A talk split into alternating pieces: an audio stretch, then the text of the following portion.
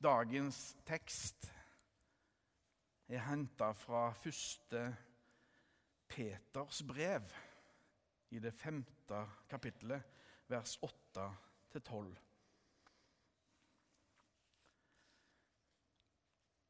Vær edru og våk.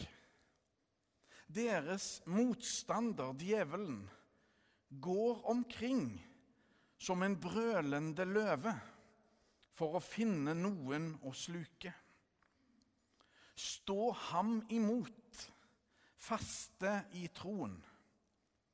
Dere vet jo at deres søsken rundt om i verden må gjennomgå de samme lidelsene. En kort tid må dere nok lide, men all nådes Gud, som ved Kristus har kalt dere til sin evige herlighet, han skal utruste dere, gi dere kraft og styrke og stille dere på fast grunn. Makten er han Makten er hans i all evighet.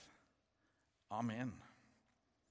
Med hjelp fra Silvanus, en bror jeg har tillit til, sender jeg dette korte brevet jeg har skrevet, for å oppmuntre dere og vitne om Guds sanne nåde.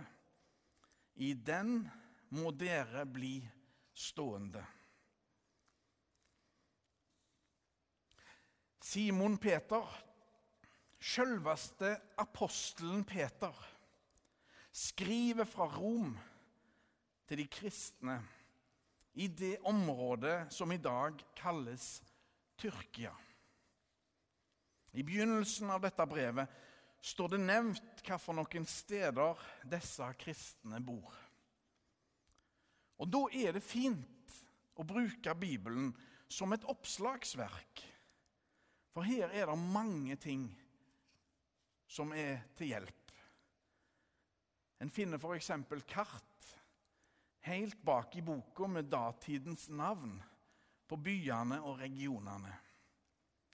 Det er òg mye informasjon å hente i henvisningene nede på sida, på selve bibelsida. Der fant jeg f.eks. at uttrykket 'brølende løve' er henta fra Salme 22 i Det gamle testamentet, vers 14. Og det er denne salmen Jesus siterer fra når han henger på korset og roper 'Min Gud, min Gud, hvorfor har du forlatt meg?' Salme 22 er ganske så oppbyggelig å lese fordi han er som en klare og tydelige profeti om det som skjer med Jesus i Jerusalem i år 30 etter Kristus. Men tilbake oss til Peter og hans første brev. Det er fascinerende å se hvordan Peter er trygge og sterke i troen på Jesus. Han som fornekta og svikta sin Herre, er blitt ganske så forvandla i løpet av disse årene som har gått. Han er tydelig og klare på at vi har en motstander som vil skremme oss, men som er en slagen fiende. Djevelen er rett og slett en dårlig taper. Vi skal våke og være edru, stå imot fienden og være faste i troen. Og et av de beste svar jeg noensinne har hørt, kom fra ei eldre dame i menigheten vår. Det var kaffebesøk og gode samtaler om tro og tvil. Og en mann, verten, utbrøt med stort alvor. Djevelen går rundt som en brølende løve, sa han. Da var det at denne dama så klokt repliserte. Ja, ja, da vet vi iallfall hvor vi har han. Godt sagt. For et fantastisk svar. Og for en trøst oppi det hele. Noen blir nemlig fort frista til å gi den onde mer makt enn det han i virkeligheten har.